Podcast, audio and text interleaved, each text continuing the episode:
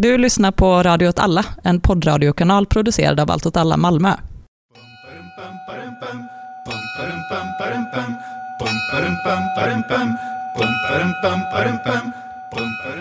Hej och välkomna till Eldrörelse. Hej, hej. Jag kan inte säga välkommen för jag sitter fortfarande på avstånd. Mm, men jävlar vilket krispigt ljud du har. Ja, wow. Jag sitter med någon supermikrofon som vi har fått, får man säga på något sätt. Vår tvivelaktiga bankir. Efter vårt förra avsnitt fick vi en jättefin donation av en av lyssnarna. Som gör att du inte behöver sitta med någon sån Amiga-mick och Nej. spela in. Den, en mick som är så stor och tung att man skulle kunna slå ihjäl en liten hund med den, skulle jag säga. Det är ju en lämplig eh, linje i vad vi ska prata om senare i avsnittet. Men innan vi kommer in på det så tänker jag att vi ska försöka följa upp det vi pratade om lite i förra avsnittet om oljan. Ja, det, jag har faktiskt läst på lite om vad som har hänt sen sist. Bara, ska man recappa superkort vad som var? Man kan ju lyssna på förra avsnittet annars, men det är ju det här med att det har varit någon sorts priskrig då och eftersom vi håller på med krig så kan man få in det i, i poddens eh, ram på något sätt. Där Eh, man kan säga att Saudiarabien och Ryssland framför allt har haft ett samarbete sedan 2016 om att hålla nere sin oljeproduktion för att hålla uppe priserna. Och när efterfrågan sen började falla med coronakrisen så ville Saudiarabien att man skulle sänka produktionen ytterligare. Men Ryssland gick inte med på det och samarbetet avslutades. Istället så började båda producera mer och då blev ju, den här, blev ju effekten av en kraftigt sjunkande efterfrågan vid coronakrisen och en kraftigt ökad produktion att priserna störtdök och så blev det massa kaosiga effekter. Och det var väl lite som att man såg det som något chicken race, vilket land skulle ge upp först, vilka oljeindustrier skulle börja gå konkurs först. Mm, men vad har hänt då?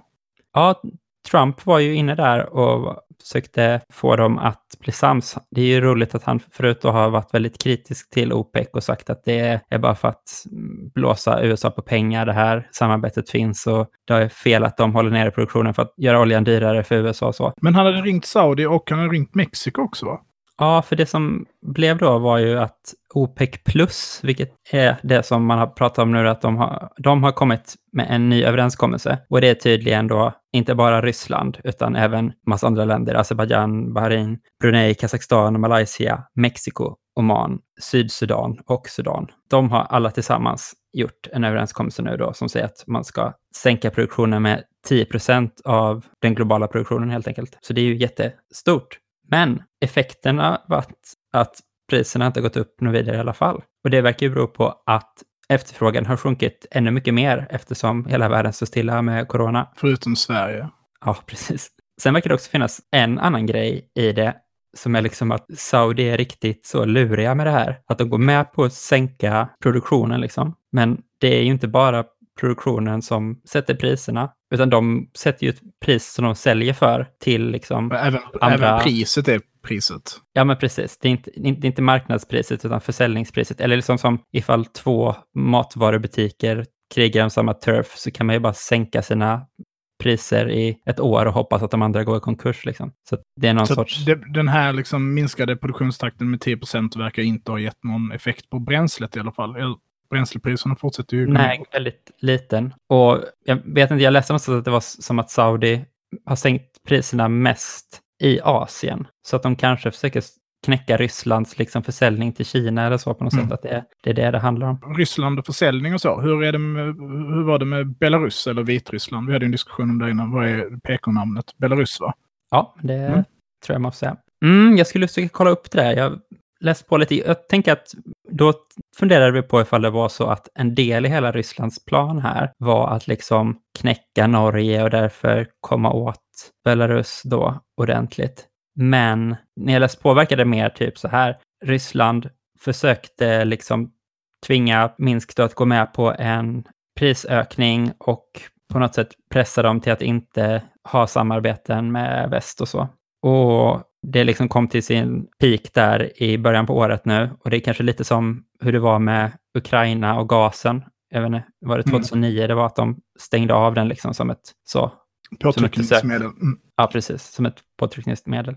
Men att dels då var ju Belarus väldigt snabba med att få den här dealen med Norge och också med USA tror jag att de hade liksom snackat och fått garantier för att de skulle få olja. Så Putins power move failade lite där. Och sen då på det så kom den här... Nej, så det här är egentligen bara dåligt för Ryssland för att... Nu, de är ju beroende av liksom exportera olja för sin statsbudget och då så var det här fel tillfälle på något sätt att, att spela med den grejen. Så nu har de då tecknat ett nytt avtal. Och Ryssland är igen den huvudsakliga oljeleverantören. Så de backade och i den dealen verkar det verkligen som de fått ge efter för att de ska liksom betala någon sorts skadestånd till Minsk för okay. eh, att ja, det bortfallet de fick förra året eller någonting. Liksom. Så ja, de fick ge sig verkar det som. Okej. Okay. Bra uppföljning. Vi ser. Det blir men du, men, ja.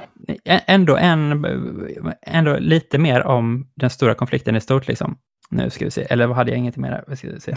Jo, men bara vad, vad, som händer nu, liksom. Vad, vad, som händer sen. Det, ifall priset ligger så här lågt som det gör nu då, fortsatt det höjdes inte av de här åtgärderna, kanske, fallet kanske stoppades, men ändå, så har ett så här amerikanskt energianalysföretag sagt att om det ligger kvar på så här 20 dollar fatet så kommer antagligen flera hundra amerikanska oljeproducenter gå i konkurs i år. Och det är 19 dollar fatet just nu. Liksom. Mm. Och istället då så har Trump, eller den, det har börjat spekuleras i att det skulle kunna bli tariffer på oljeimport från Saudiarabien till USA. Okay. Eh, och också har det varit någon senator eller vad det nu är som har varit ute och sagt så, vi borde hugga militär stöd, som vi spekulerade lite i förra avsnittet. Så det, man ska nog inte tro att det är över med den här dealen som blev nu, utan att det är en utveckling som fortsätter.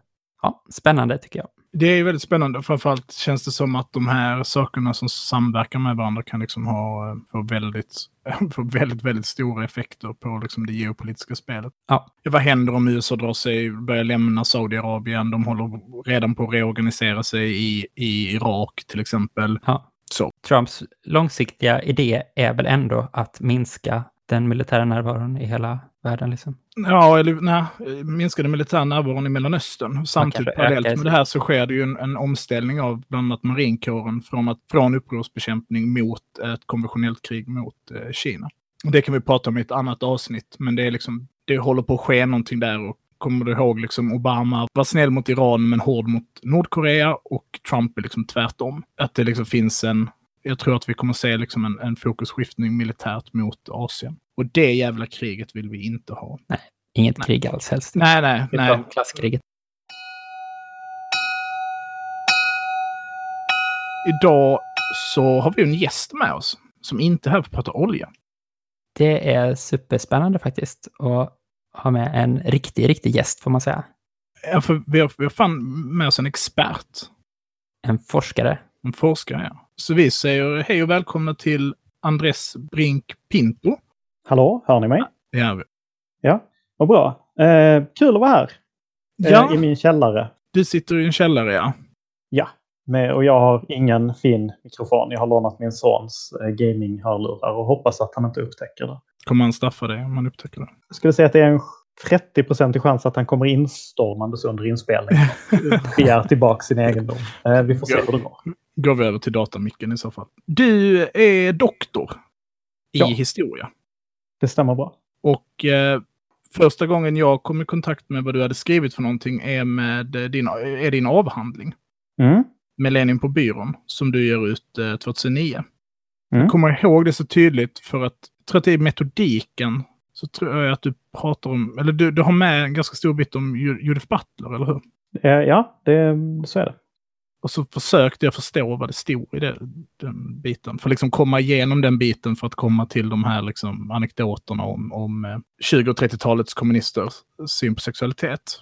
Mm. Och jag kämpade. Jag kan inte idag riktigt säga om jag lyckades. Men, men eh, har, har du läst den, eh, Myran? Nej, jag får tyvärr erkänna att jag inte har gjort det. Den enda boken eller så tror jag jag har läst är den här om 30 november i Lund. Den har jag läst. Ja, för att det, du ska inte prata om sexualitet på 20 och 30-talet.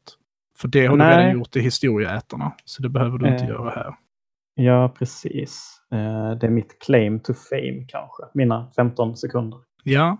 Utom nu då. Nu kommer det vara nu att du varit med känd ja, podd. Det, mm, Men, ja, det, jo, möjligen. Vi, vi får se. Ni jobbar ju inte så liksom visuellt kanske som, som Erik Haag gör. Nej. Nej, det var när han försökte bygga upp den här kåtstämningen i, i historieätarna. Mm. Nog om historieätarna, utan, och, och nog om, om sexualitet eh, generellt. Du är ju, är ju Sveriges expert på eh, upplopp.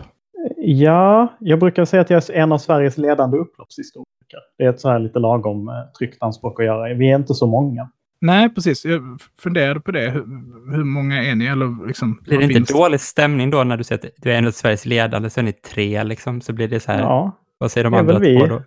Det är väl vi, vi, vi som finns är väl de som är de ledande då, tänker jag. Jag tänker att du ändå har tryckt till kanske någon annan person och sagt att den är tier 2 här. Jaha, ja, nej, så har jag nog inte. Eh, jag, jag, ser det nog mer som en, eh, som, alltså i mitt yrkesliv så är det ju vanligt, i synnerhet på internationella tillställningar, när det kommer folk från den angloamerikanska världen, så är de ju ofta väldigt snabba med att berätta allt, alla sina liksom, eh, erövringar av olika slag och vilka titlar de har och vilka fellowships de har haft och, och så här och vad de är ledande på. Så då, då tänker jag att det här är liksom det är det jag har att komma med i de sammanhangen. Ja. Det räcker för att imponera oss storligen i alla fall. Ja, ja verkligen. Du har gett ut eh, ett, ett gäng böcker. Den första som handlar om upplopp är det stora elefantupploppet. Mm, det stämmer. Eh, en samling skrönor från Sveriges bråkiga 1800-tal. Eh, det ska också säga att det är en antologi, så det är inte bara jag som har skrivit i den. Jag har skrivit en artikel som handlar om ett upplopp i Lund. Eh, när uppretade arbetare slog sönder Akademiska föreningen. Just det. De har varit i Örtofta och brutit en strejk, va? Är det inte så? Eh, Svedala. Svedala. Och sen ger du ut eh, 30 november, Kampen om Lund. Mm, tillsammans med Johan Pris. Den har jag läst och jag har den faktiskt här framför mig. 30 november-boken, Kampen om Lund 1985 till 2008. Och vilket år kommer den ut? Det borde jag kunna säga här. På. 2013. Så det är ju då fem år efter eh, det kanske sista 30 november-upploppet i Lund. Ja, precis. Så det är ju kanske lite annorlunda att det är två historiker. Typiskt sett så kanske historiker sysslar med sånt som är lite mer i det förflutna i alla fall. Men jag tror också att, att det syns att det är två historiker som har skrivit boken. Eh, för att jag tror att vi har närmat oss även det som är väldigt nära i det förflutna.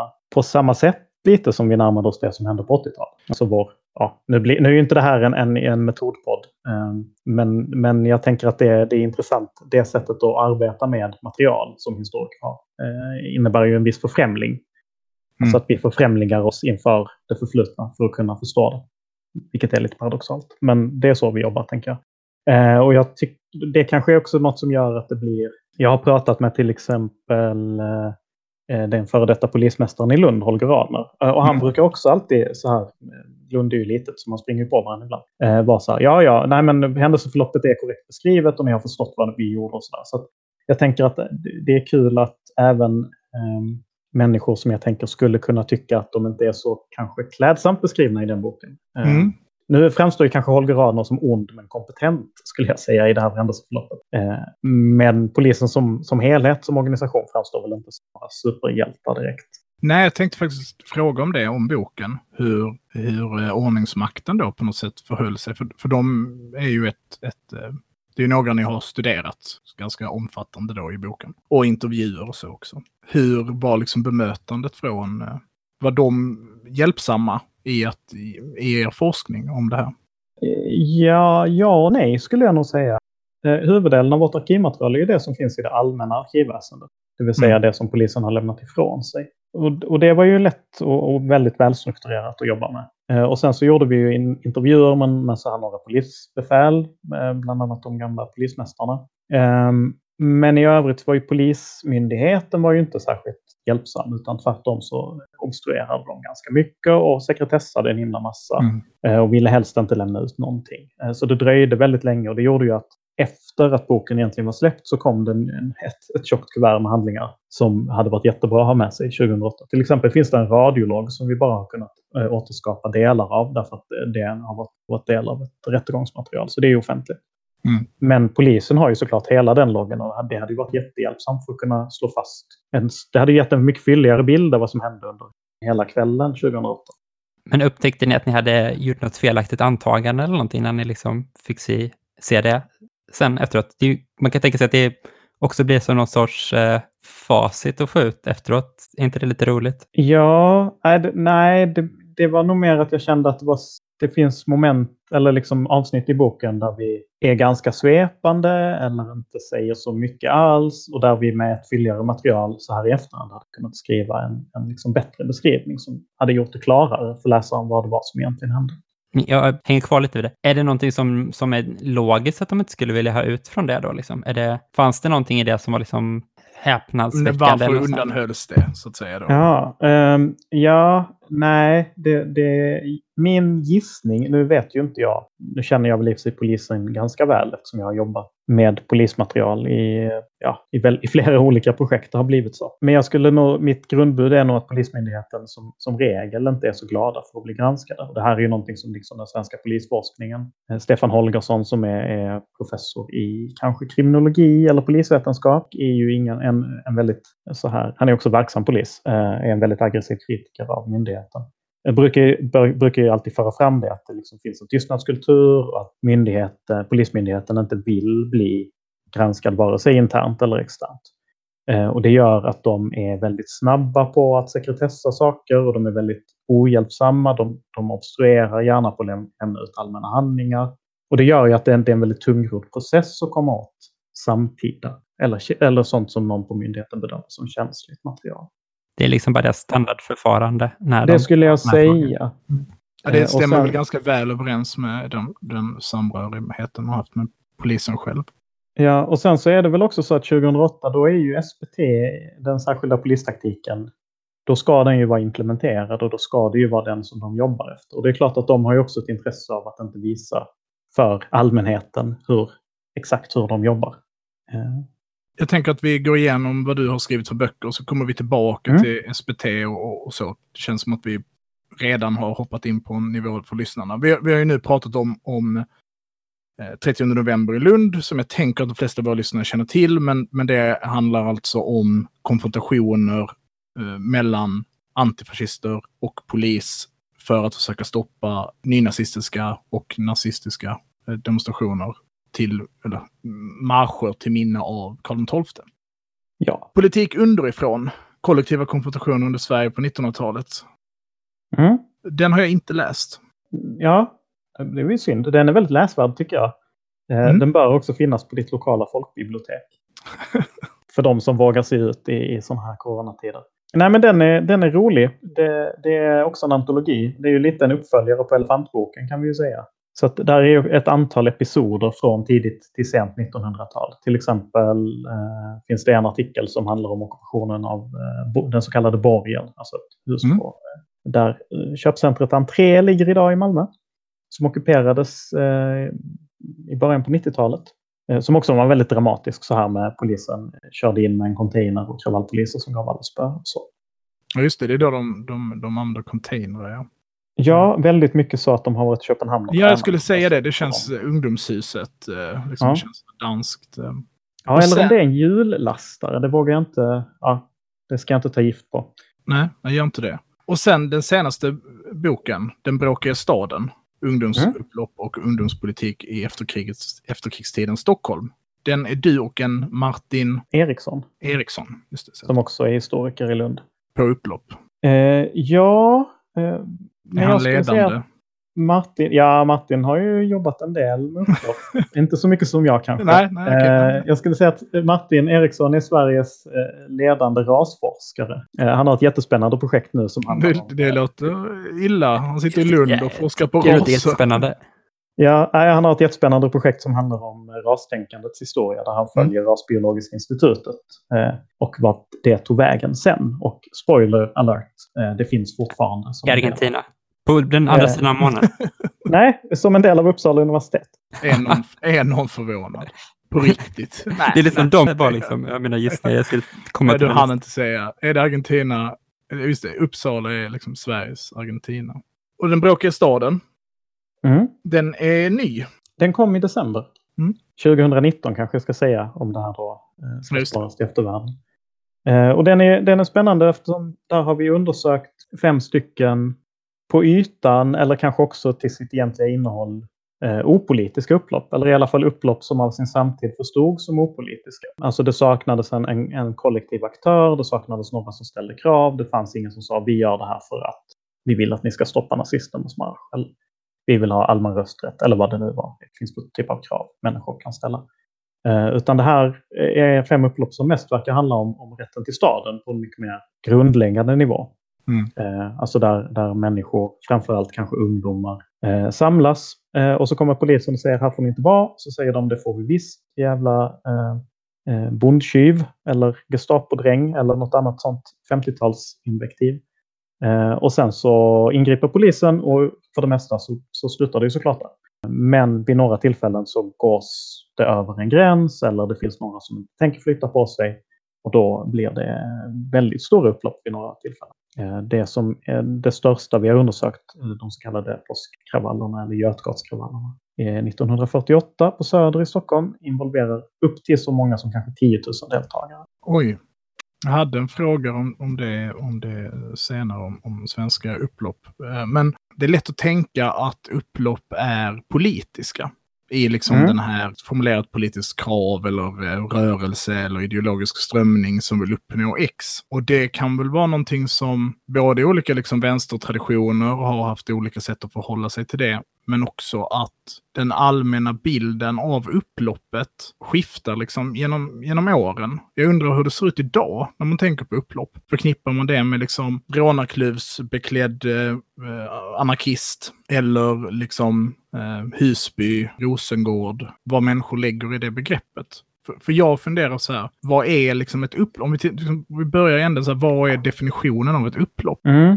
Det är en jättesvår fråga. I en del fall är det ju jätteenkelt. Alltså 30 november eller vet inte, Göteborgskravallerna under EU-toppmötet 2001 eller så. Eh, där det finns en samling människor som uppgår till kanske mellan 100 och 1000 eller sådär. Som kommer till en plats eh, på en på förhand bestämd tid eh, med en på förhand bestämd, ganska tydlig idé om vad de vill uppnå eller vad de vill göra. Alltså det var ju ingen högoddsare att det skulle bli kravaller i Lund 1991 eftersom 300-500 personer hade åkt till Lund med det uttalade syftet att med våld, om det krävdes, stoppa marschen. Då, är det ju, alltså, då tänker jag att då är ju alla parter med på att det här är ett upplopp. Polisen är med på det de som bygger barrikader och kastar sten på polisen är också väldigt väl införstådda i att de gör upplopp. I andra fall vilket väl är, kan vara både när det är liksom vänsteristgrejer, eh, som till exempel när Svenskarnas parti hade torgmöte på Limha, i Limhamn och polisen red över folk med hästar och brukade oerhört stora mängder våld. Eh, så var ju tidningarna och polisen helt överens dagen efter om att det här var ett klockrent fall av upplopp. Eh, och att det var ett upplopp var det som sen motiverade att polisen ingrep som de gjorde. Och sen blev ju massa människor dömda för våldsamt upplopp. Så att på ytan så förefaller ju det ha varit ett upplopp. Men om vi tittar på vad folkmassan gjorde, eller de som då blev överridna av hästar, så skulle jag säga att de gjorde väldigt lite av det som vi traditionellt förknippar med ett upplopp. Eh, och det gäller ju verkligen också för de ungdomsupplopp som jag och Martin har studerat. Och det skulle jag säga gäller för ganska många tillfällen där någonting i efterhand har förståtts eller beskrivits som ett upplopp. Att upploppet är i den meningen en produkt av eftervärldens förståelse av händelsen snarare än att finns några faktiska objektiva gränser. Eller alltså så här, det måste till x av mängd stenkastning eller barrikaden måste liksom vara y centimeter över marken för att den ska räknas. Eller så. Det, det, finns inte den typen av objektiva kriterier för vad ett upplopp är, skulle jag vilja argumentera. Utan jag skulle ju då kanske snarare vilja, vilja mena att upploppet är socialt. Alltså att det, det produceras i en social verklighet och det produceras som en effekt av en massa maktrelationer. Och där makten att säga att någonting är ett upplopp har ju också i historiskt sett och kanske också idag varit en väldigt effektiv utestängningsmekanism. Säga att det här är inte en legitim åsiktsyttring, det här är inte en demonstration, det här är inte en folksamling som liksom har de normala demokratiska fri och rättigheterna, utan det här är ju ett upplopp och då är det ju plötsligt inte alls konstigt att polisen rider med hästar för, för att potentiellt döda någon. Nej, det, det, är, det är spännande när du säger det, för, för just den vanmakten eller frustrationen kan man ju känna igen från, från situationer man själv har deltagit i. Att, men om polisen bara inte hade lagt sig i nu så hade det ju inte hänt någonting. Nej, och så är det ju. Nu blev det ett upplopp, men, men det hade det ju inte blivit. Om inte ni hade bestämt er för att det här skulle bli ett upplopp. Nej. Nej, man tänker inte på det som upplopp heller när man bara typ håller upp en pinne för att inte få en batong i huvudet. Liksom. Nej, så det... nej. nej, precis. Och jag tänker det är ju det ena fallet när liksom någonting behöver skapas som ett upplopp i efterhand. Juridiskt och medialt och diskursivt och så här. Eh, ja, men att det även kanske det... blev ett upplopp. Att situationer som inte var, var på väg att bli våldsamma från polisen intervenerar i situationen och då blir de det. Mm så är ju, så, och så utvecklar det sig till att bli en, en upp, ett upplopp eller ett upploppsliknande tillstånd. Men i efterhand så blir liksom upploppet rent, eh, ska man säga, som att det, det var tvungen till att ske. Eller liksom, det här var ju på väg att bli ett upplopp. Men, men måltavlan för den typen av, det våldet som sker sen är ju mot polisen. Så liksom, mm. hade polisen inte intervenerat så hade det ju heller inte hänt någonting. Liksom. Ja, det var... ja, nej men och det är ju en... Jag tänker att det kommer vi kanske gå in på lite mer i detalj. Men det är ju jätteintressant om vi tänker på det här. Nu ska jag väl kanske vara tydlig med att jag, jag vill väl ganska starkt argumentera för att vi inte bör tänka på upplopp i första hand ur en liksom militär, så här, eh, ett militärt perspektiv. Men om vi nu gör det så, så är det väl jättetydligt att polisens största fiende i väldigt många upploppssituationer är ju de själva på något sätt. Alltså att de har väldigt svag så här coin, om vi ska prata den typen av terminologi. Att eh, deras handlingar ofta eh, får fullständigt motsatt effekt.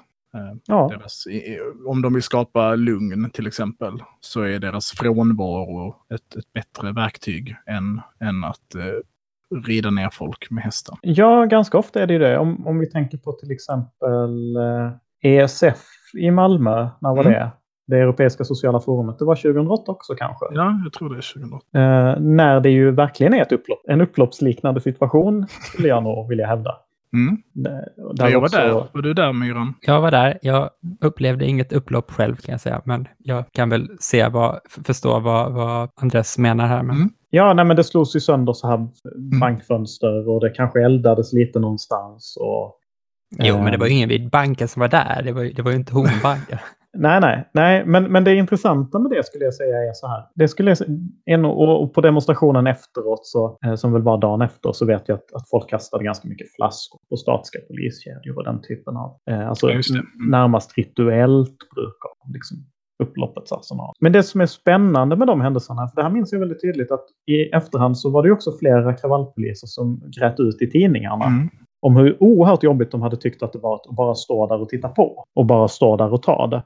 Men om jag hade varit polisledning så hade jag varit supernöjd med min plan.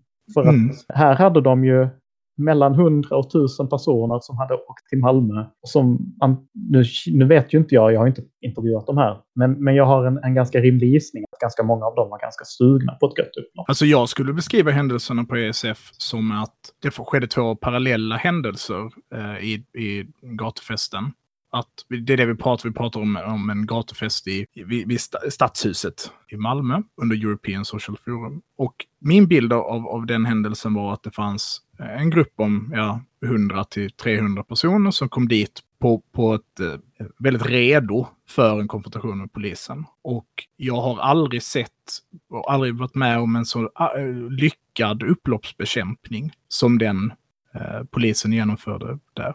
Eh, för i den här gatufesten så fanns det kanske, det är svårt att säga i efterhand, men jag skulle gissa att det var ja, ett par tusen deltagare i gatufesten i sin helhet. Som inte sögs in i liksom den spiralen som till exempel ridande poliser eller, eller eh, sköldchocker från polisen eller något liknande hade kunnat stå. Mm. Utan den här gatufesten började ju eh, så att säga polisa sig själv. Alltså där deltagare försökte deeskalera försöket till upplopp. Mm. ja, och det, nej, men precis. Ja. Och, det, det, och det tycker jag, det, det, har jag också sett flera exempel på. Eller i alla fall några exempel på i min, ja men till exempel i min och Martins senaste bok, Den bråkiga staden. Eh, där både under de så kallade modskravallerna 65, kanske snarare bör beskrivas som Hötorgskravallerna, och eh, kravallerna i Kungsan 87. Mm. Eh, alltså Kungsträdgården i Stockholm. Paolo? Eh, ja, det, han var ju inte med. nej, nej. Eh, för det, han, han hade ju sitt claim to fame, Stockholmsnatt, hade tror jag kommit ut året innan. Och Jaha, okay. Han hade ju varit del av den här liksom, eh, gatuvåldsmiljön eh, som fanns i Kungsträdgården kring 85 eller så. Så att det, även om tidningarna skriver om en person som kallas för kungen av Kungsan 87 så är det alltså en annan person. Det är inte Paolo. Det är inte Nej. Paolo. Men, men det intressanta där är att polisledningen så himla tydligt vid några tillfällen trycker ut verkligen från insatsledare och hela vägen ner. Eh, att poliserna som står i första ledet, som ju är det är också intressant med Sverige att vi inte har några riktiga kravallpoliser egentligen. Mm, det. Eh, utan det är ju vanliga ordningspoliser eh, som bara har tagit på sig lite extra kläder och sköldar och så. Men att de verkligen inte ska ingripa när, även om de ser att någon begår brott. Och det här tycker ju poliserna är super, super, super jobbigt. Alltså, när, när sa du? I Stockholm eller i Ja. ESF? Båda tillfällena? Ja, ESF vet jag inte, för det, har- jag har inte tittat på polisens handlingar för det. Eh, Men däremot vet jag att, att det var flera poliser som lät sig intervjuas i efterhand och var väldigt upprörda På ESF. på ESF. Ja, och medan i Kungsträdgården så, så går det att belägga då att liksom, Ja. det, I det fanns- erfarenhetsberättelser och den typen av material. Jag tror att man har hört historier om att det har liksom, eh, att på polisradion så bad de hela tiden om att få ingripa på ESF, eh, men fick hela tiden nej då att de skulle vänta för att inte eskalera situationen. Jag har också något minne av det, men det, det är ju länge sedan nu. Om vi stannar i det här, liksom, du, du nämner ett par saker, så här, intressanta spår. Du pratar om att, att Sverige inte har, en, eh, har inte kravallpoliser, alltså dedikerade kravallpoliser, om man säger på det sättet. Hur ser det ut internationellt? Ja, jag har ju inte superbra koll på alla, alla typer av poliskårer såklart som finns i hela världen. Eh, Men i ett europeiskt perspektiv så har ju i, i alla fall liksom de, de latinska länderna, alltså Frankrike, Spanien, Italien, eh, har ju en militariserad del av polisen, gendarmeriet eller eh, Guardia Civil eller Carabinieri. Och alla de har ju dedikerade enheter som flyttas runt i landet liksom, eh, som är specialister på just kravaller. Jag har också fått intrycket att eh, Tyskland är lite annorlunda. De har ju, är ju delstatligt organiserade så där finns ju utrymme för liksom, skillnader. Mm. Eh, Men att i alla fall vissa av delstatspoliserna, Berlin till exempel, har, om de, jag ska inte sitta här och, och lova att de har specialiserade enheter, men, men det är ju, jag skulle säga att det är ganska uppenbart att de har poliser som är väldigt vana vid att agera kollektivt och vid, vid att agera i den typen av situationer. Ja, Därför alltså, att de får mycket övning. Ja, precis. Jag skulle säga att det som blir väldigt tydligt om man har sett tysk polis verka är ju att de är vältränade. Eh, Inte Mm. fysiskt utan på att utföra specifika liksom, taktiska handlingar på ett sätt som, som jag inte tror att eh, svensk polis eh, hade riktigt klarat av att genomföra. Min bild av det här med att, med att man bara tar ordningspoliser och sätter på dem kravallutrustning stämmer ganska väl med hur jag har förstått att det fungerar i USA. Och att framförallt fungerade i USA. Och att det är en av förklaringarna till varför USA är, också är väldigt dåliga på att eh, bekämpa upplopp. Alltså, Ja, Man i princip gav poliser eh, träbatonger och eh, motorcykelhjälmar. mm, men nu är vi på 60-talet här va? Ja, ja, ja, precis. Ja, nej, men det kan säkert stämma.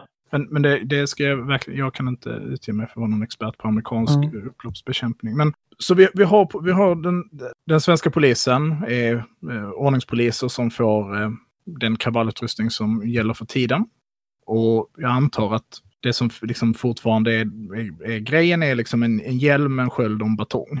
Ja, nu för tiden har de väl också någon typ av kroppspansar eh, också har jag fått intryck av. Så här, I alla fall arm och benskydd. Om du skulle liksom beskriva hur, en, eh, hur, hur tänket har förändrats i polisens eh, upploppsbekämpning. Eh, Mm. Inte liksom sedan 1800-talet kanske. Men, men En farlig fråga att ställa till en historiker. Eh, Ja, låt mig börja Ja, men- eh, med marshändelserna 1848. Nej, men de är faktiskt det, de är intressanta att börja med. Eh, därför att det är ett tydligt så här vattendelare såklart i europeisk politik. Eh, revolutionerna 48. Men också för att det, är ju, det, det finns ju också en litions eller kravallunge i Stockholm. Och den slutar ju med att livgardet sätts in. Därför att det finns ingen effektiv polis överhuvudtaget vid den tidpunkten i Sverige. Och vad livgardet gör är, det är ju en ganska risig så här upplopps eller upprorsbekämpning. Därför att de har ju egentligen bara två lägen. Antingen är de på sina kaserner eh, eller så är de ute och gör bajonettchock eller skjuter ner folk på stans gator. Och det gör ju att de alltid eskalerar situationen. Och det dödas ju också flera människor vid den här tillfällen. Och det är ju på något sätt en, en, en viktig impuls till, till en modernisering av det svenska polisväsendet överhuvudtaget Och Stockholm och Göteborg får. Civila poliser som, eh, alltså en poliskår som är civil, som inte är underställd en militära befälsstrukturen. Utan de har en egen polismästare. Eh, som ju är modellerade på, på den, vad heter det, Londons Metro, Metropolitan Police. Eh, så att en väldigt tydlig så här idé att polisen ska vara av befolkningen och de ska röra sig och de, de ska inte ha vapen och de ska bygga relationer och så. Sen så finns det också det tyska spåret som ju syns väldigt tydligt i polisens uniformering och så kring. Eh, med pickelhuvor och sablar och grejer. Eh, så att det finns ju också den. Det finns också en spänning i polisen. Ja, men om vi ska liksom snabbspola framåt så, så kan vi konstatera att efter, när det liksom är stora urbana oroligheter eh, senaste gången på allvar i Sverige, alltså under mellankrigstiden, Eh, det är många strejker eh, som också spiller ut på gatan som övergår i olika typer av våldsamheter. Då är ju polisen oerhört, har en oerhört låg grad av professionalisering kring upprorsbekämpning. Och det har i stor utsträckning skulle jag säga att göra med att polisen har det här väldigt tydligt lokala, både förankringen och perspektivet. Och de, det är också en lokal, det finns ju bara lokal polis i Sverige vid det Det vill säga alla poliser är kommunala, de är anställda av, mm. av kommunen. Eh, och styrs av kommunens politiker. Det vill säga, så även om det är upplopp på fredagen så ska man ändå träffas på måndag. För man bor i samma områden och har kanske till och med vissa gemensamma intressen och många poliser under den här perioden kommer ur arbetarklassen och är också en del, på en del sätt i alla fall, av liksom den socialdemokratiska klassformeringen. Så det gör att de, de befinner sig i en väldigt så här dubbel situation. Sen bildas statspolisen som är ett sätt för staten att, att, skapa en fristående styrka som kan skickas runt. Det sägs att statspolisen relativt snabbt blir en avstjälpningsplats för alla de poliser som de lokala poliserna inte vill ha. De får rykte om sig att vara ganska asienstrukna under kriget. Det är de som får fram liksom mest våld också i samband med antinazistiska demonstrationer eller upptåg. Till exempel påskdagarna i, i Uppsala 43 tror jag Mattias Alberg vill jag säga um, har skrivit en jättebra bok om det här. Men det som liksom präglar hela efterkrigstiden sen är ju att polisen har en väldigt lokal karaktär och det gör ju att olika polismakter är, har helt olika idéer om hur de ska bekämpa eller behandla upplopp. Det vill säga det finns ingen nationell strategi. Så det växer fram lokala praxisar. Stockholm verkar utarbeta någon slags idé om hur de vill göra sin upploppsbekämpning under framförallt 50 och 60-talet. Men egentligen är det inte förrän EM 92 skulle jag nog vilja hävda som det finns en, börjar komma en nationell idé om att det ska finnas en gemensam nationell strategi kring upplopp och upploppsbekämpning. Vad är det som händer på EM 92? Eh, ja, framförallt är det ju att EM kom. Alltså EM spelas i Sverige. Mm eh, fotbolls-EM. Jag skulle också säga att det är ju en tid, varje tid har ju sin egen så här moralpanik eller sina egna fiendebilder på något sätt. Och det tidiga 90-talet skulle jag säga är en tid som i alla fall delvis har fotbollshuliganen som en ganska framträdande så här motståndare eller, eller hotbild. Mm, eh, och inför EM så målas det ju också upp en, en bild av att det ska komma brittiska eller engelska huliganer och de ska slåss tyska huliganer som dessutom är nazister allihop. Så att det finns väldigt stora farhågor om att det ska bli ett väldigt våldsamt eh, fotbollsmästerskap. Och det här är också precis i anslutning, alltså skarven 80-90-tal är ju en väldigt våldsam tid i, i europeisk cupfotboll. Så då genomgår liksom hela den här polismyndigheten, som ju har varit nationell sedan 65 men ändå har levt kvar i ganska lokala strukturer i stor utsträckning. Eh, då genomgår de i alla fall gemensamma träningar, de får en etik, den så kallade EM politiken som är ganska statisk, som bygger på stora formationer, som är vad som inom polisforskning kallas för att den är paramilitär. Mm. Det vill säga den, den bryter upp liksom det normala sättet för polismän att fungera och så inordnar de i större formationer.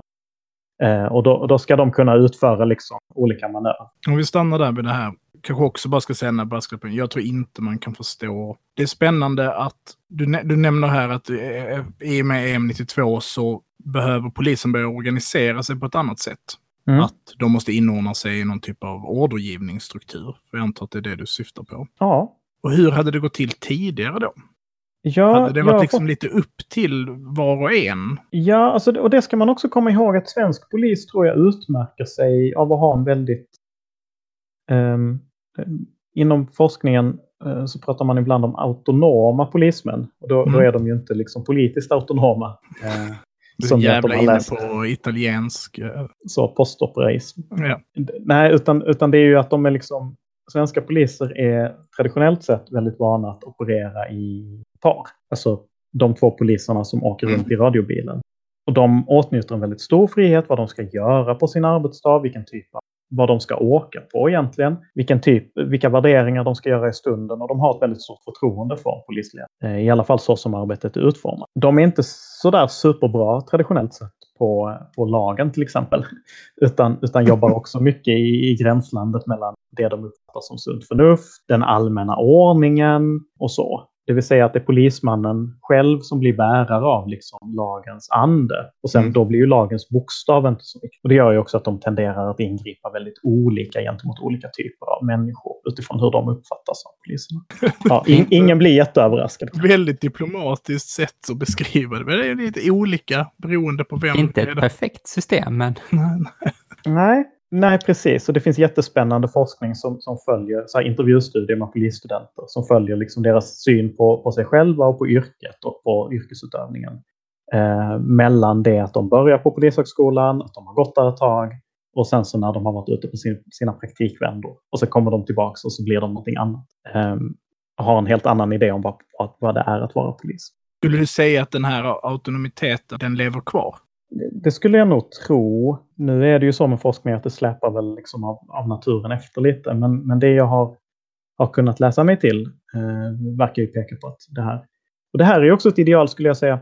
Jag har fått det här beskrivet av, av ett polisbefäl i Lund eh, som kopplade det väldigt tydligt till hur liksom den svenska värnpliktsarmén egentligen är uppbyggd. Med en väldigt stor, eh, som han beskrev det i alla fall, där liksom den, den gruppen har en väldigt stor autonomi. Alltså att det är det är de stora linjerna, eller liksom, order ges med den breda penseln. Ta kullen. Hur ni tar kullen, det skiter vi i. Uh, här, har, här har ni liksom en, en, en påse resurser och så löser ni uppgiften bäst, som ni finner bäst. Ja, precis. Och det går väl tillbaks på liksom, jag vet inte, Wehrmacht kanske.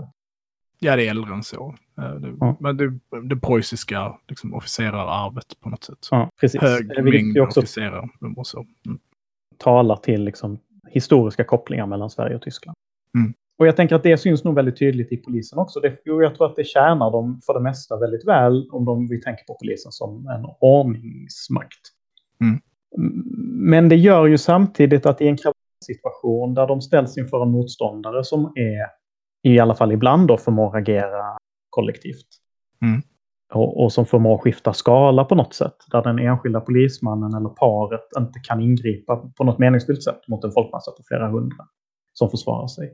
Eh, då blir det plötsligt en, en väldigt stor svaghet att alla är vana att själva lösa uppgifter som, som de finner bäst. Och jag fick det här beskrivet för mig kring då 30 november 91 som att det gamla sättet som polisen löste den här typen av, av liksom, eller stora ordningsstörningar var att ja, men då är det ett, ett par poliser på plats och de märker att här händer någonting. Då, då ringer de in två poliser till. Ja, då funkar inte det. Då ringer de in två par till. Och sen tar man kanske in någon hundförare och så tar man in lite rytteri. Men man skalar liksom egentligen, man skalar, de skalade upp i mängd. Men de, skalade, de bytte aldrig skala. Alltså de började aldrig fungera efter någon annan logik. Och det är ju EM92 en väldigt tydlig brytpunkt. Där polisen i alla fall till sin målsättning säger att nu ska vi börja agera på en helt annan typ av logik. En helt annan typ av storlek. Den minsta enheten ska inte vara polismannen utan kanske den här 10-personsgruppen eller så.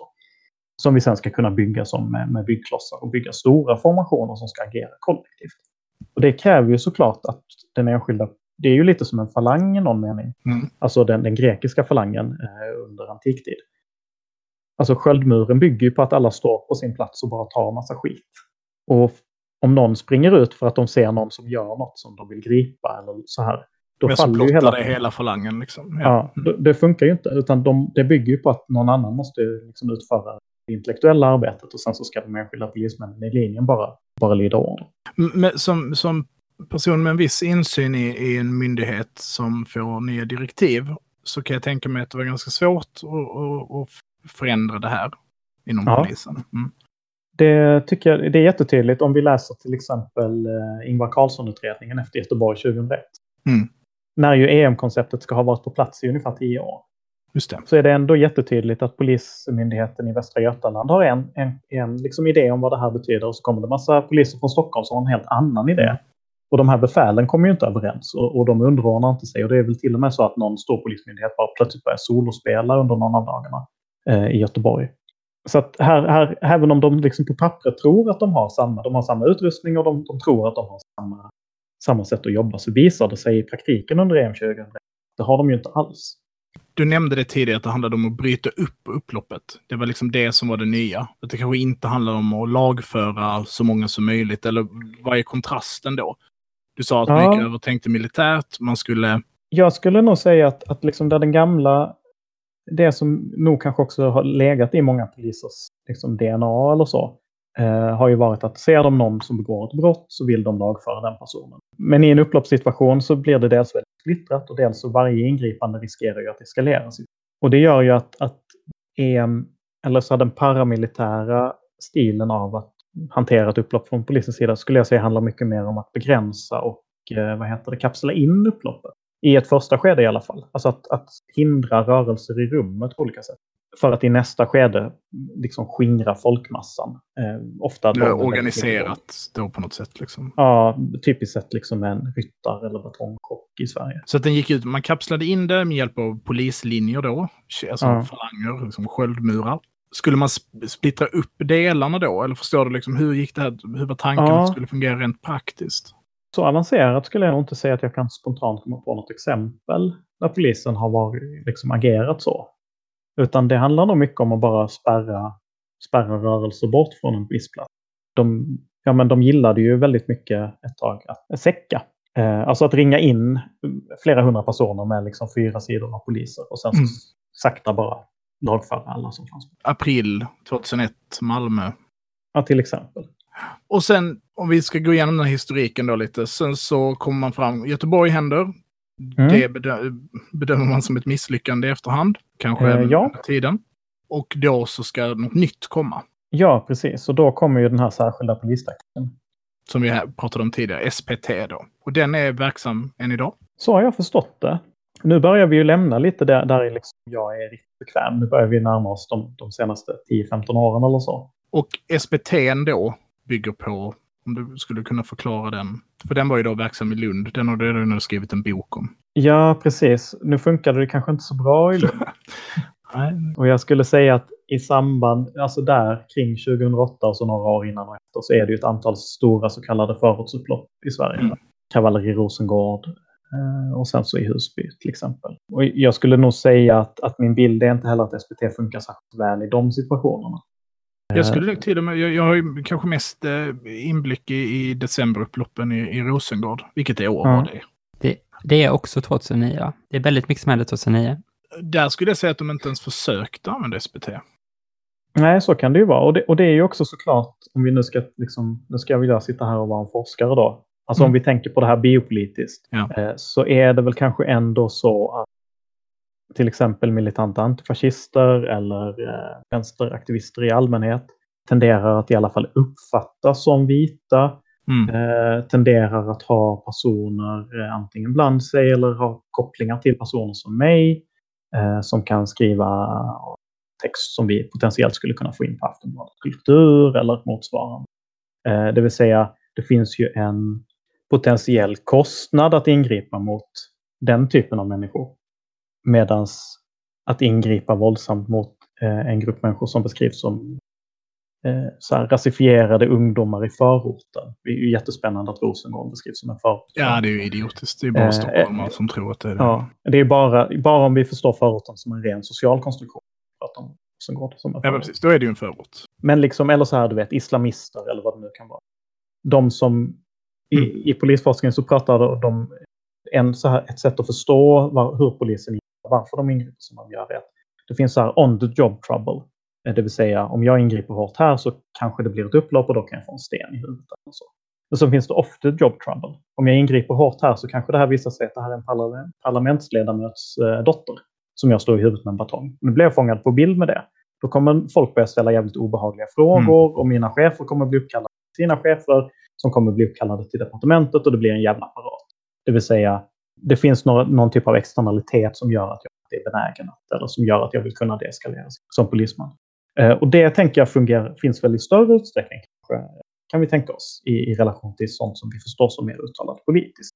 Mm. Och, där kanske, och det kanske också kan vara en förklaring varför SPT finns ibland och varför det inte används.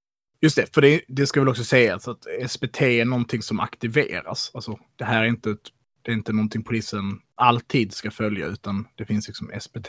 Precis. Och då, ni liksom, vad det är?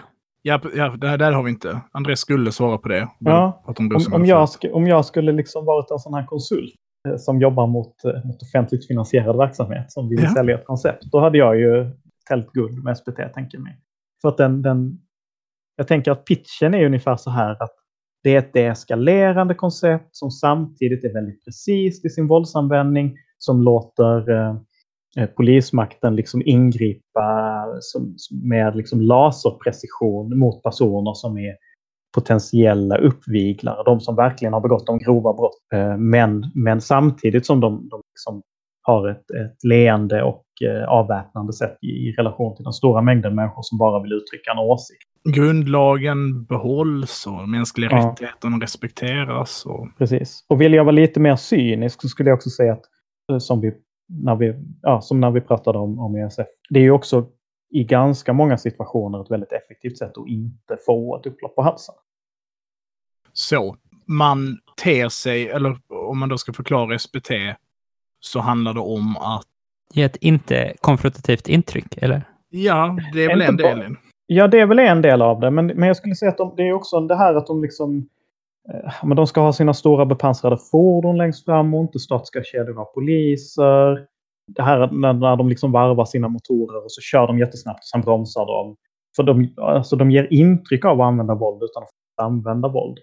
Eh, samtidigt som de liksom, jag tänker att konceptet bygger mycket på att ta bort polismännens kroppar på något sätt från situationer där de kan bli föremål för våldsamhet. Det vill säga, det är också ett sätt att skapa en väldigt avpersonifierad och, och i någon mening liksom, ja, men nästan robotaktig så här närvaro i det offentliga rummet. Att de kör runt väldigt mycket. Det handlar väldigt mycket om att inte vara på en plats utan att liksom mer röra sig i flöden och så. Vi kan tänka deleuzians på det här. Mm. Men samtidigt om vi tittar på det i det, i det konkreta. Jag, jag, tänker att Lund 2008 är kanske ett extremt exempel. Men eh, eftersom det är så utspritt över både tid och rum. Men det visar ju sig, skulle jag säga, att polisen inte hade särskilt hög kapacitet att hantera upploppsliknande... Alltså där upploppet på något sätt slät, räfflar rummet. Mm. Är, är det, det kanske är för teoretiskt. Men så här skulle jag kunna säga att SBT fungerar väldigt väl fram till punkten där det blir ett riktigt upplopp. Och då rör sig upploppet på ett sätt och fungerar på ett sätt som SPT inte är så lämpligt. Och det går, jag tycker att man kan se, nu skulle jag också hävda att SPT fungerar. Eh, eller att den är, den är, den är fungerande. Men SPT fungerar väldigt väl för att folk inte ska börja kasta sten på dig.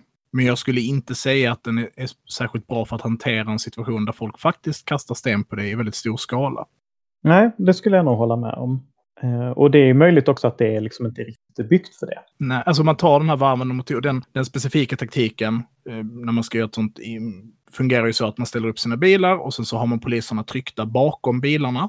Varvar motorerna, ruschar fram och behöver man göra ett ingripande så ska poliserna springa mellan bilarna fram. För de ska mm. ju inte köra på folk, det är inte det som är poängen. Liksom. Utan man ska springa fram och göra den här chocken. Utan sköldar då. Och ifall den folkmassan som du varvar motorerna mot inte springer i det skedet, utan till exempel kastar sten på dig, så är du ju väldigt sårbar i den situationen och du ska springa mellan två bilar i led. En smal gång där det regnar sten. Mm. Det så känns dumt. Det känns som att SPT skulle säga då att man tar eh, ESF som det andra exemplet då. Vi har Lund och ESF är ju att det som händer på ESF är ju att de lyckas förhindra. Hade polisen betett sig mer som en fiende i det skedet så hade stora delar av gatufesten kunnat bli inblandade i upploppet. Men de lyckas begränsa deltagarantalet. Medan i Lund så spelade liksom deras försök att eskalera spelade liksom ingen roll. Och det är också för att ESF, gatufesten, ESF och 30 november i Lund är också två väldigt olika händelser. Precis, på, på 30 november så vill folkmassan stoppa nazistmarschen. Det hjälper liksom inte riktigt vad polisen än gör, för de är inte det som man är i konfrontation med. Men på ESF så ville väl de flesta bara ha en gatufest kanske och sen så ville några mer kanske ge sig på banker och ha ett upplopp liksom. Mm, så är det nog. Och jag tänker att, att liksom det är också SPT, när det beskrivs, är det ofta i relation till så här stora folkmassor i största allmänhet, som till mm. exempel mm. en fotbollsmatch eller så. Där det finns en liten grupp som vill, vill liksom Alltså det, det, är också tydligt att polisen i någon mening skulle jag säga förstår. Och det här är också sån klassisk så här när någon är sopig på coin. Eh, att de förstår sin motståndare så som de förstår sig själva. Mm. Det vill säga, det, det, finns ett jätteroligt avsnitt i nu ska inte jag sitta här och berätta vad som är roligt i min egen bok, men eh, det finns ett jätteroligt av, liksom, förlopp i, i en förundersökning eh, och i samband med eh, Lund 30 november 2008. Där polisen för, liksom förgäves letar efter mannen med den blåa jackan. Ja. Eh, som de liksom har fått för sig är den som stämmer och som ger, springer runt och ger order. Och som, som, kan vi bara gripa mannen med den blå jackan så kommer nog det här lugna ner sig. Eh, och det är klart att det speglar ju hur de fungerar. De har ju en hierarkistruktur där det finns någon som har en blå jacka eller motsvarande. Men när vi, Johan och jag sen då intervjuer med en massa eh, antifascister som hade deltagit i det här upploppet så är det ju jättetydligt att det där var ju bara en jacka som vandrade runt bland folk. Eh, och ibland var ju mannen med en blå jacka inte alls en man, utan någonting annat. Eh, och att det, det, finns liksom ingen man med den blå jackan. Eh, det finns ingen, ingen ledare att gripa. Men, men i polisens föreställningsvärld så gör det det. Och det gör ju såklart att det blir jättesvårt för dem ibland. Mm. Upplopp. Sverige. Hur, har vi lite upplopp sett till Europa? Hur har det utvecklats med tiden? Ja, alltså jag skulle säga att den generella trenden är att vi har mindre och mindre upplopp över tid i Sverige. Och en sak som slog mig väldigt mycket när vi jobbade med den bråkiga staden är hur oerhört mycket upplopp det var på 50-talet. Som ju är en tid som vi liksom producerar som föreställt nationellt endäktig. Just det, folkhemmet och det är liksom... Ja, och liksom det är etniskt homogent och mm. hit och dit. Eh, Vem det är väldigt... anat att det fanns problem även då? Ja, det, precis. Eh, nej, men och det är också 50-talet är också en tid med väldigt låg konfliktgrad liksom politiskt och fackligt och så. Eh, men däremot så finns det jätte, jättemycket tillfällen där så här större eller mindre grupper av vad som förstås som ungdomar kommer i vad som i alla fall beskrivs som upploppssituationer mot polisen. Inte alls bara i Stockholm utan också julhelgen i Falun, flera hundra från Bollnäs eller vad det nu var. Eh, åkte dit för att göra upp med någon som hade legat med någons tjej eller motsvarande liksom så här drängslagsmålsmotiv. Eh, och det blir ett jättestort upplopp eh, och polisen eh, finner sig tvingade att eh, sätta in vattenkanoner eller så. De lånar brandkårens eh, vattenspruta i så här eh, minusgrader och då, då lugnar det ner sig. Och det finns jättemycket, 60-talet också jättemycket så här dansband och poporkestrar som åker runt på folkparker och det blir superstora upplopp i samband med det. Jag förknippar ju de här, alltså jag tänker på så här modsupplopp i England och så, liksom framväxten av ungdomskultur och så. Att det har med mm. liksom ungdomens konflikt med staten på något sätt, eller liksom den drömmen man förväntas ha, eller nu bara för det svära fritt. Det känns som att det finns en, om inte global så i alla fall en, en, en västerländsk eh, upploppskultur på 50-talet. Ja, nej men det gör det ju. Um, väldigt mycket kring, kring liksom rockens framväxt också. Mm. Vilket ju också är väldigt tydligt så här en arbetarklass-subkultur förstås som det. Vilket ju inte heller är så konstigt eftersom nästan alla på 50-talet var arbetare. Och det är ju jättestora upplopp till exempel, inte i Sverige dock, men i både, både Danmark och Norge och definitivt i Västtyskland eh, så är det jättestora upplopp kring eh, eh filmen de kallas för Rock around the clock-upploppen. Eh, det är alltså Elvis låt Rock around the clock. Och den var med i en film som jag tror hette Blackboard Jungle. Det ska, ska jag låta vara osagt dock. Och så i samband med, de här, med att den här filmen visades på biografer så började ungdomar dansa inne i biograferna. Eh, ja, fy fan. Och då, ju... då ingrep ordningsmakten och sen så blev det stora upplopp på stan. Och när då filmen började komma till Norden så, så fanns ju också inför då eh, förväntningar om att det skulle bli. Ja, just det. Sen så, ja, nej men, till exempel Rolling Stones, eh, deras eh, turné, tror jag 64, var så super, super upploppig. När de spelade, eh, jag tror det är I Can't Get No Satisfaction, så var det som en signal för att folk liksom skulle börja slå sönder stadion och sen så ge sig på polisen. Och så var det bara galenskap. Vi tänker att du har tittat både på de här liksom, ideologiskt motiverade eller mm. politiskt kodade upploppen och på de mer spontana, ska jag använda det som begrepp? Eller eh, Ja, jag hade nog varit eller? bekväm med, med liksom begreppet opolitiska. Okej, okay. ingen så här gammal allting klasskamp. Ah, okej, okay. äh, men okej, okay, vi säger opolitiska och politiska upplopp. Hur skiljer de sig åt? Ja, jag skulle säga att de skiljer sig åt så, ja, men på ett antal sätt. Mm. Um, för det första så skulle jag säga att det är mycket lättare att på förhand ha en idé om när en uttalat politisk situation kan leda till ett upplopp. Alltså, det är inte jättesvårt att förstå att ja, men okej, här kommer det nazister, det finns en militant fascistisk rörelse, de säger att de vill stoppa marschen, de kallar dit folk. Eh, ja, det är ju goda odds på att det blir någon typ av våldsamhet. Eller för den delen om vi ska gå tillbaka i det förflutna. Förra helgen var det en stor rösträttsdemonstration i Stockholm. Eh, polisen ingrep våldsamt. Den här, den här helgen har det kallats till ny demonstration.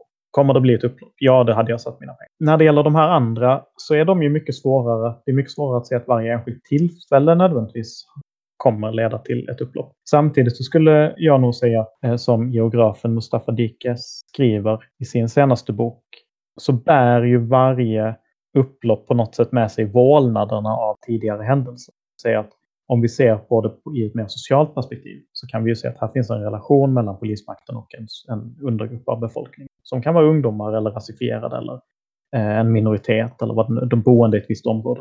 Här vet vi att polisen ingriper hårdhänt, att de ingriper på sätt som är förnedrande eh, och i 99 av 100 fall så kommer det här bara försiggå, business as usual. Men vid den hundrade gången så kommer polisen göra något som uppfattas som extra stort övertramp eller de kommer ingripa mot någon som uppfattas som extra skyddsvärd. Eller, eh, det, det, kommer finnas någon typ av utlösande Alltså, som då levererar ett upplopp. Vad var frågan? Eh, sen skulle jag också säga att det som skiljer dem åt, ja men dels är det ju så här för, förekomsten av krav, förekomsten av liksom ett tydligt definierat kollektivt subjekt som ju finns väldigt mycket tydligare i de politiska upploppen än i de opolitiska. Eh, jag skulle också säga att de opolitiska, eller vad vi nu ska kalla dem, upploppen är ju kanske på en del sätt ändå intressantare. Inte för att jag vill göra en sån här, ni gör det här för att fylla i min, så här, min, min favoritförklaringsmodell. Det är också en väldigt vanlig, liksom, Vänsterpartiet säger så ja men upploppen i Rosengård i december 2009. Eh, det beror på nedskärningar i ja. Det är ju mer komplext än så i alla fall. Ja. Liksom. Ja. Eh, där är det ju svårt att få in folk som är skitsura för att polisen har gått in med hundar i en moské. Jag tänker att, att någonstans behöver vi kanske också gå till upploppets deltagare för att försöka förstå upploppets deltagares bevekelsegrund. Eller liksom för den delen, Carl Bildt säger efter upploppen i Kungsträdgården 87. Ja, men det här beror ju egentligen på liksom den socialdemokratiska eh, regeringens skattepolitik. För att den säger ju till ungdomarna att man inte behöver respektera andras egendom. Då är det inte konstigt att de, de här ungdomarna då tror att man får slå sönder skyltfönster och ta dyra klockor. Det är ändå en Galaxy Brain alltså. Eh, nej, nej, det här är en protest mot konsumtionssamhället. De här vill ju ha en, en mer ursprunglig och naturligt liv. Inget av det här tror jag stämmer. Nej, för det, alla vet att den riktiga förklaringen är att det är ganska kul att kasta sten på polisen. Det är nog inte en, en obetydlig delförklaring i alla fall. nej, men då det är flera ungdomar som säger det i polisen också. Att, att så här, det här handlar om, om en känsla av upprättelse och en känsla av makt. Det är kul att se att det är polisen som springer för en gångs skull. Mm. Men jag tänker också att de här opolitiska upploppen, även om de då är tomma i någon mening på innebörd, att uttolkandet och meningsskapandet kring dem görs av någon annan än deltagarna. Så tänker jag att de ändå på en del sätt säger mycket mer, alltså mycket mer, mycket mer intressantare politiska saker än de politiska upploppen. Alltså för att de säger någonting om hur staden till exempel fungerar, hur det politiska systemet i stort fungerar och hur samhället i stort fungerar. Det, det blir ju lite meta, eller så hade det blivit lite filosofiskt kanske, men, men jag tänker att någonstans så går det ändå att läsa de här upploppen som som en kamp om rätten till staden. Alltså rätten till att äga stadsrummet, att få, få vara i stadsrummet på sina egna villkor. Eh, att inte bli hindrad av vad som deltagare uppfattar som en utifrån kommande tvingande makt. Alltså det här ska inte komma någon jävla bondtjuv från vischan eh, och säga till mig att jag inte får stå här på ett hörn på Söder 48 och äta en korv. Det här är min stad. Jag mm, äger den. Eh, och det tänker jag, det här liksom ägandet av det lokala, eh, den lo där liksom platsen också blir viktig. Eh, det tänker jag att vi också ser ganska tydligt i det som förstås som till exempel förortsupplopp. Jag föreställer mig att, att många av de upplopp jag har sett som varit politiskt kodade har aldrig nästan varit eh, spontana. I den meningen att de har liksom bara råkat ske. Och har de bara råkat ske så har de avslutats ganska snabbt. Utan att i många av de politiska upploppen så finns det då liksom, här, jag vet att det här är något som har diskuterats mycket fram och tillbaka, men liksom någon idé om att man kan inte förbereda ett upplopp, man kan inte och så vidare och så vidare. Men min bild är att de upplopp jag har sett spelas ut har gjorts för att en mindre grupp har kommit väldigt beredda. Och i upploppet då liksom kunnat eskalera eller, eller liksom ge upploppet en riktning. Mm, det är någon mm. slags blankism här alltså? Ja, alltså jag, jag skulle snarare säga att man börjar inte bryta sten bara hur som helst. Man behöver faktiskt ha med sig ett verktyg då. Ja, nej men och det är väl sant jag tänker kanske på det mer som att eh, vissa typer av rörelser har en viss typ av handlingsrepertoar. Mm. Det vill säga, har många människor varit med i ett upplopp tidigare så vet de vad det betyder när vissa människor börjar agera på ett visst sätt och de har lätt att falla in i vissa typer av Precis, men det finns ändå en grupp. Det finns ändå ja. en grupp som börjar agera på ett särskilt sätt. I de, i, de, I de opolitiska eller spontana upploppen som du har tittat på, kan man identifiera att det finns sådana grupper där också. Den kvällen i Kungsan var det ett gäng där som var så ikväll ska vi slåss mot polisen. Alltså det var det ju säkert. Eh, men jag har inte kunnat hitta några som spelar samma... Alltså i en politisk rörelse så kan man ju näst, skulle man ju nästan kunna göra det som liksom med konsent, med ringar som faller in på någon slags kärna av något, något slag. Eh, de mest hängivna aktivisterna. Mm, polisen letar ganska mycket efter, de har ju någon idé, till exempel 87 Kanske är det husockupanter som ligger bakom de här upploppen. Men det verkar det inte vara. Alltså, det finns folk som har en bakgrund i husockupantrörelsen som är med. Och de tar med sig en del liksom, saker ur den repertoaren. Molotov cocktails. Men de verkar inte liksom, ha någon särskilt drivande roll och de verkar inte vara de som står för stenarna eller så. Nej. Däremot så, så, är det ju inte alls orimligt att tänka sig att det på, på någon slags bredare plan finns föreställningar, kunskaper, kanske egna erfarenheter av upplopp Eh, som, som finns på något sätt i någon slags kollektiv föreställningsvärld eller så. Eh, alltså för det är ju slående hur lika upploppen är. Vi har ju studerat 40 år av till synes opolitiska upplopp och de, de spelar ut på ungefär samma sätt. Och det är klart att det kan ju delvis förklaras av att ja, men det är ungefär samma typ av aktörer som agerar på ungefär samma typ av sätt och då är det inte konstigt att utfallet blir lika. Men, men det är också spännande att se hur vissa saker introduceras vid ett tillfälle. Till exempel de, de väldigt, som jag uppfattar som väldigt stockholmska det här kanske är en daterad referens. Rusningarna, alltså där flera hundra människor springer gatlopp och slår sönder skyltfönster. Ja, mm. en, en runda på stan liksom och så kommer de tillbaka till ungefär som där de började. Men det verkar växa fram på 60-talet och sen så finns det kvar på 80-talet. Så att här finns ju någon typ av kollektivt minne. Eh, och det, och det tänker jag, det, det, kan vi liksom, har vi kunnat peka på ett antal sådana typer, liksom uppsättningar av händelser eller möjliga händelser eller repertoarer som, som verkar växa fram och sen så etableras. Och på samma sätt kan vi också se hur vissa saker där det görs försök att introducera dem, till exempel kastandet av molotov cocktails, som sker vid några tillfällen 87, men som mig veterligen liksom inte lever kvar i en upploppstradition eller kultur i Stockholm efter det. Nej. Och den andra frågan då, eller jag hade liksom två. Vi pratar, nu pratar vi om politiska upplopp. Och då är det underförstått att de politiska upploppen är vänsterradikala. Ja. Hur ser det ut på nazistfronten? Ja, det är spännande. Alltså historiskt sett, i ett långt perspektiv, så skulle jag säga att de första, många av de första stora upploppen är ju väldigt tydligt inte vänsterpolitiska. Nej. Alltså, även om vi, vi idag kanske ofta beskriver dem som lynchningar eller pogromer eller så. Mm, just det. I USA är jättetydligt att de stora urbana upploppen på 20-talet handlar ju om att vita människor eh, lynchar svarta människor. Om vi ska förenkla det lite. Eh, och den typen av liksom händelser finns ju i Tyskland i skarven mellan 80 och 90-tal också. Och jag tänker i, i ett liksom vidare europeiskt perspektiv, kanske framförallt i ett öst... Om vi tittar på Östeuropa så verkar det ju som att fascistiska rörelser har liksom kapacitet eller en, en kollektiv mm. repertoar som tillåter dem att uppnå. Eh, I Sverige verkar det inte vara så. Fast eh, till exempel tattarkravallerna i Jönköping är väl en... Ja, ja nej men precis. Det är ju ett, ett ganska tydligt exempel som, som inte beskrivs som ett upplopp men som lika gärna förstås som ett upplopp. Men det är ju också ganska länge sedan.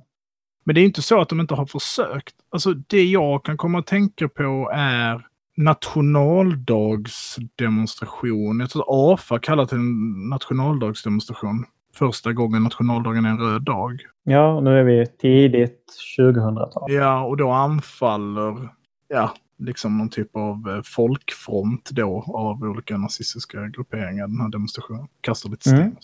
Annars kan jag fan inte komma på ett nazistiskt upplopp sådär. Men också de här eh, olika ligorna som jagar gatubarn, eller vad det påstådda marockanska gatubarn i Stockholm, eller som var ute, var det inte i samband med Husby också, att det var som fotbollsfilmer och nazister och så skulle medborgargarde-grejen med liksom, det beskriver man väl inte som upplopp, men som du har sagt så skulle man kanske lika gärna kunna göra det, eller? Ja, kanske. Alltså för mig så i ett upplopp så är liksom polisen en, en, en, eh, en aktör. Så jag tänker en situation där liksom men, men det kanske är bara jag som är, är fast i någon eh, fyrkantig mm. idé om. Ja, men jag tänker nog också att det finns någonting som skiljer upplopp från gängslagsmålet. Sen vet jag inte om jag hade kunnat dra upp liksom tio tydliga kriterier. Eh, men det finns någonting i skala, det finns någonting i kollektivitet, det finns någonting i hur människor interagerar både med varandra och med sin motpart. Där jag tänker att liksom, här har jag ju en, en hypotes som jag inte riktigt kan belägga. Men jag tänker att... Va? Nazistiska... Du får inte vara med i den här podden. Nej, här vi bara nu. ni får klippa det. Men, men jag tänker att det här handlar kanske om maskulinitet, tror jag.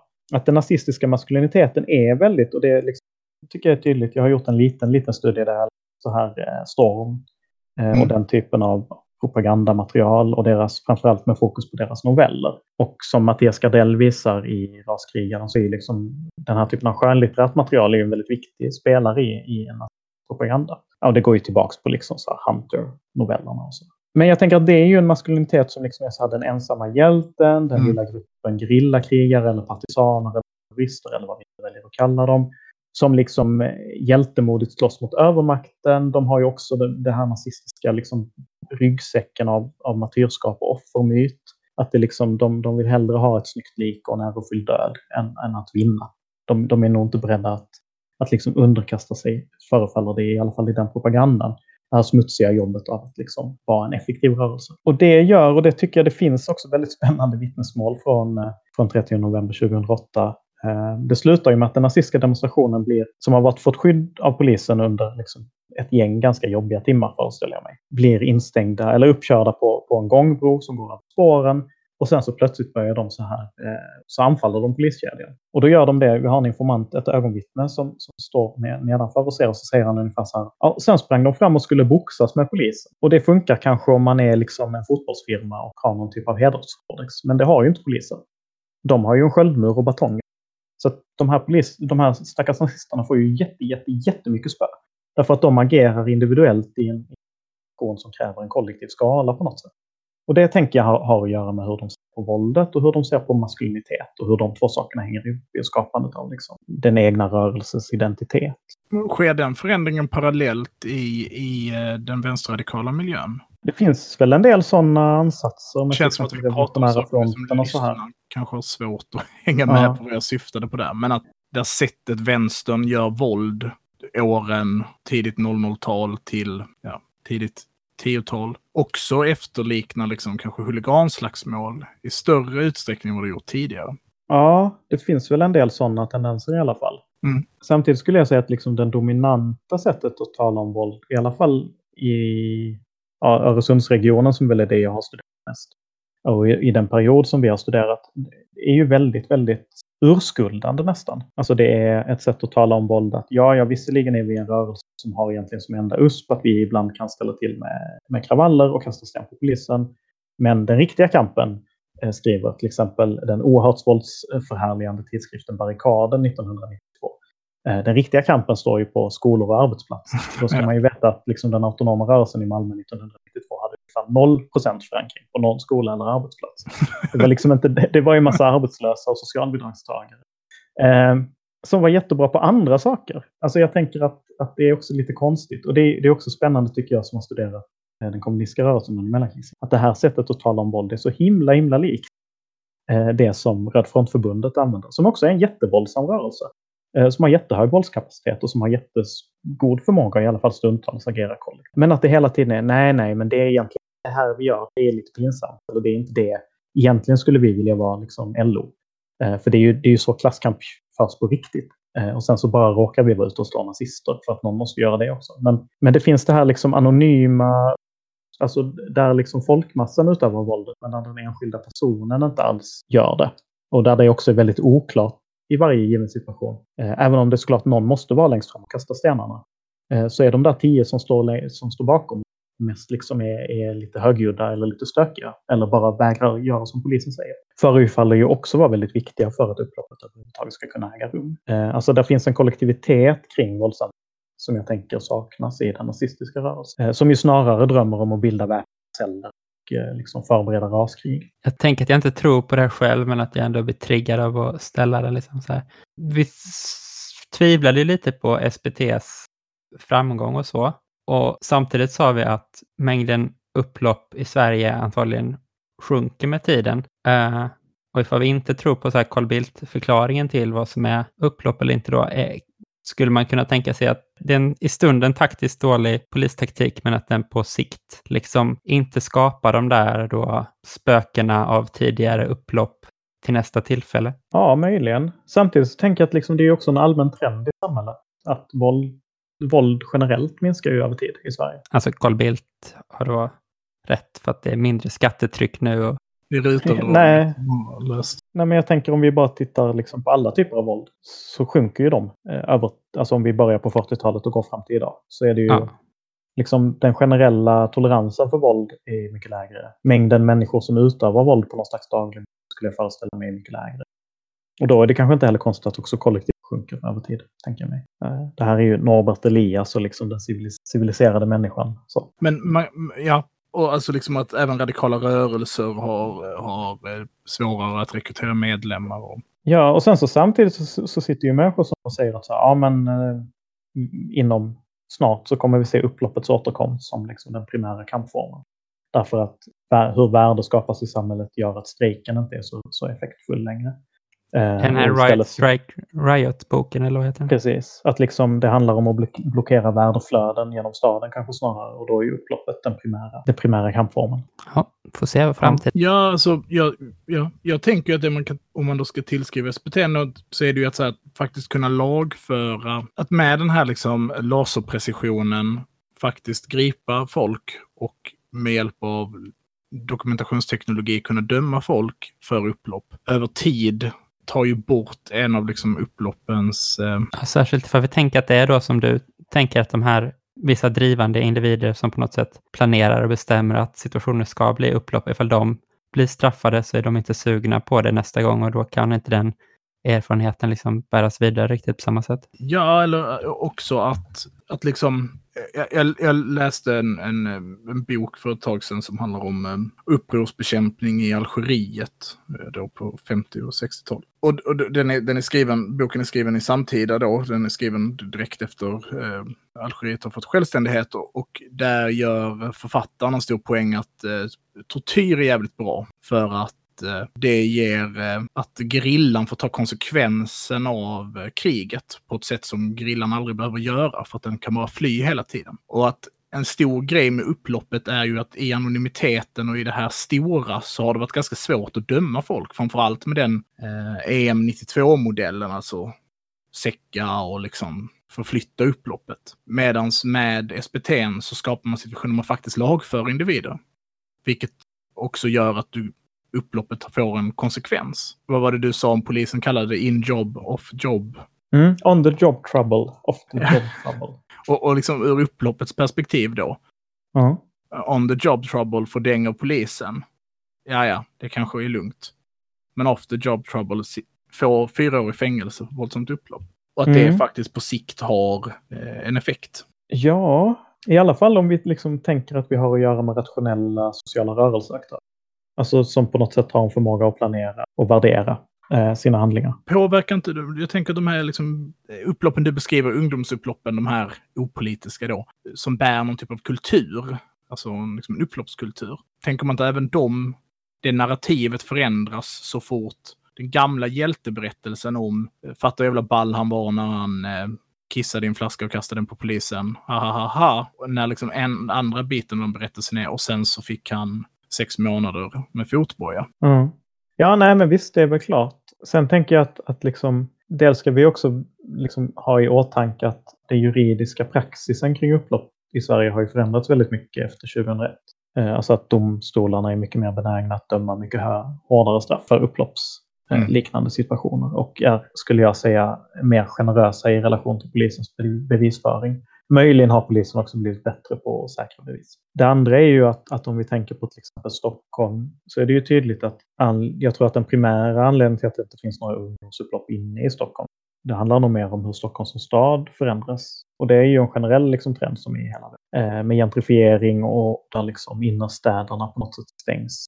Och du samlas eh, inte, stora kids Nej, och, och de, de slutar fungera på något sätt som en naturlig, neutral, liksom, eller så, som en social yta och blir en yta för någonting annat. Och det atomiserar ju såklart människor ute i sina förorter. Och det i sig gör ju kanske också att det, det någon, i någon mening det stora makroförändringar tar bort så här, de materiella förutsättningarna för att den typen av, av händelser ska inträffa. Den sista, nu liksom börjar avrunda nu, vi har pratat ganska länge, men förstärkningsvapen. Mm. Tårgas har ju varit lagligt länge att använda i Sverige, men nu ser det ut som att de är inköpta och att utbildning ska påbörjas. Vad är mm. din take på tårgas? Det är väl lite fräsigt. Eller så här, det, det blir ju dramatiska bilder om inte annat. Nej, men så här tänker jag. Polisen har ju faktiskt en vattenkanon också. Mm som står på Polismuseet i Stockholm som de köpte in efter de stora upploppen i Berzelii park på 50-talet och sen aldrig, aldrig använde. Och, och, där kan man ju i en internationell jämförelse så är det tydligt att i Västeuropa så drar alla polismyndigheter förutom den, de brittiska och ja, den svenska. Nu hårdrar det lite, men ungefär de två sticker ut rätt tydligt. Alla andra säger så här, tyskarna är supertydliga på det här. Eh, maj 68 var en katastrof. Inte nog med att, att, typ folk dog och att det var jätte, jättemycket personskador. Eh, en hel ungdomsgeneration förlorade förtroendet för staten och sen så fick vi statsgerill. Det var ett liksom, polisiärt misslyckande och det säger ju liksom de interna utvärderingarna av polismakten. Och vad berodde det här på? Ja, men dels så här kvar, kvardröjande så här fascistiska strukturer inom polismakterna, kanske framför allt i Italien. Okej, okay, vi måste reformera poliserna. Men, men i det konkreta? Jo, en stor anledning till att så många människor blev så allvarligt skadade i 68 liksom, vågen var att polis och upploppsdeltagare kom väldigt nära varandra. Eh, därför att polisernas främsta vapen var batongchocken. Batongchocken för med sig en, en liksom rad problem. Den är väldigt, in, den är väldigt så här, den slår väldigt brett. Alla som råkar befinna sig framför linjen av poliser kommer få stryk. Den, risk, den får alltid med sig risken att enskilda polismän eh, drabbas av det som den brittiska polisforskaren eh, P.A.G. Waddington kallar för the red mist, den röda dimman. Alltså att de får helt enkelt liksom blodsmak och bara börjar veva och gå. Och det är ett problem för det skapar liksom en himla massa resentiment mot polisen och det skapar potentiellt, det är hela tiden en potentiell eskalering och att någonting går fruktansvärt snett. Eh, och hur löser man då det? Jo, det löser man genom att skapa avstånd mellan sig själva och de som vill göra ett upplopp. Eh, genom att använda vattenkanoner, genom att använda tårgas. Vad heter det? Sådana här, eh, sådana man skjuter med hagelgevär.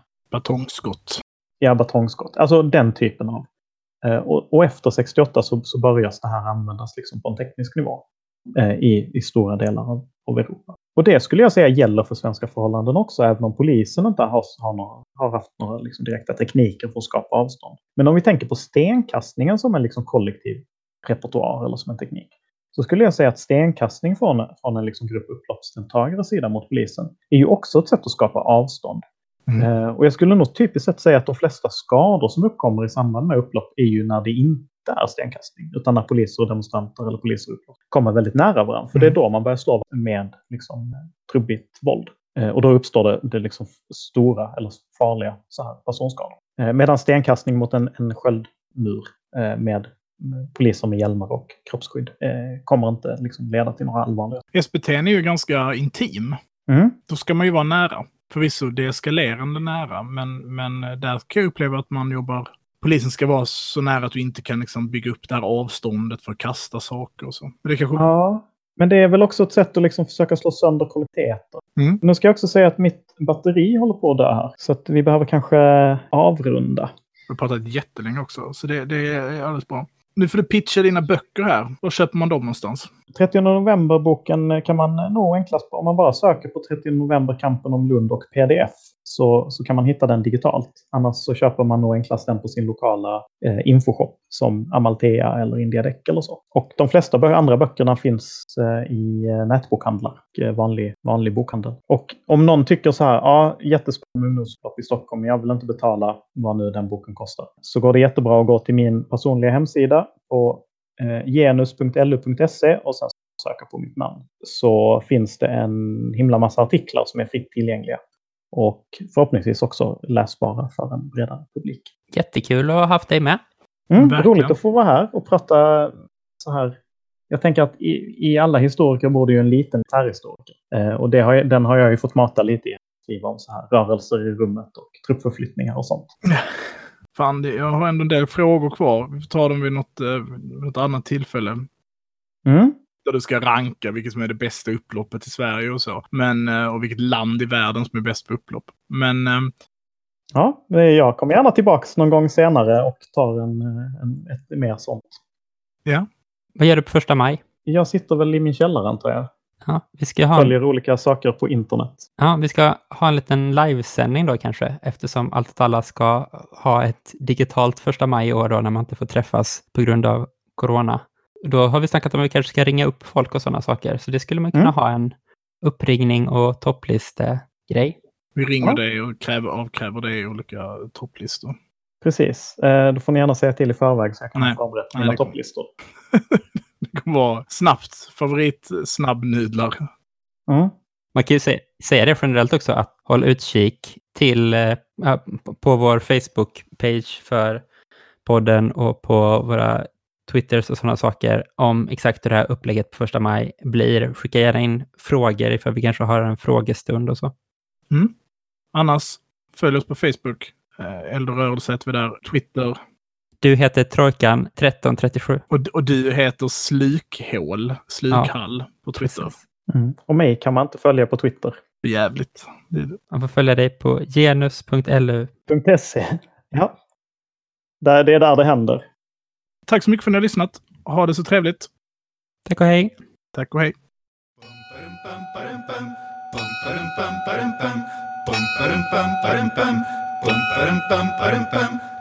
Bum,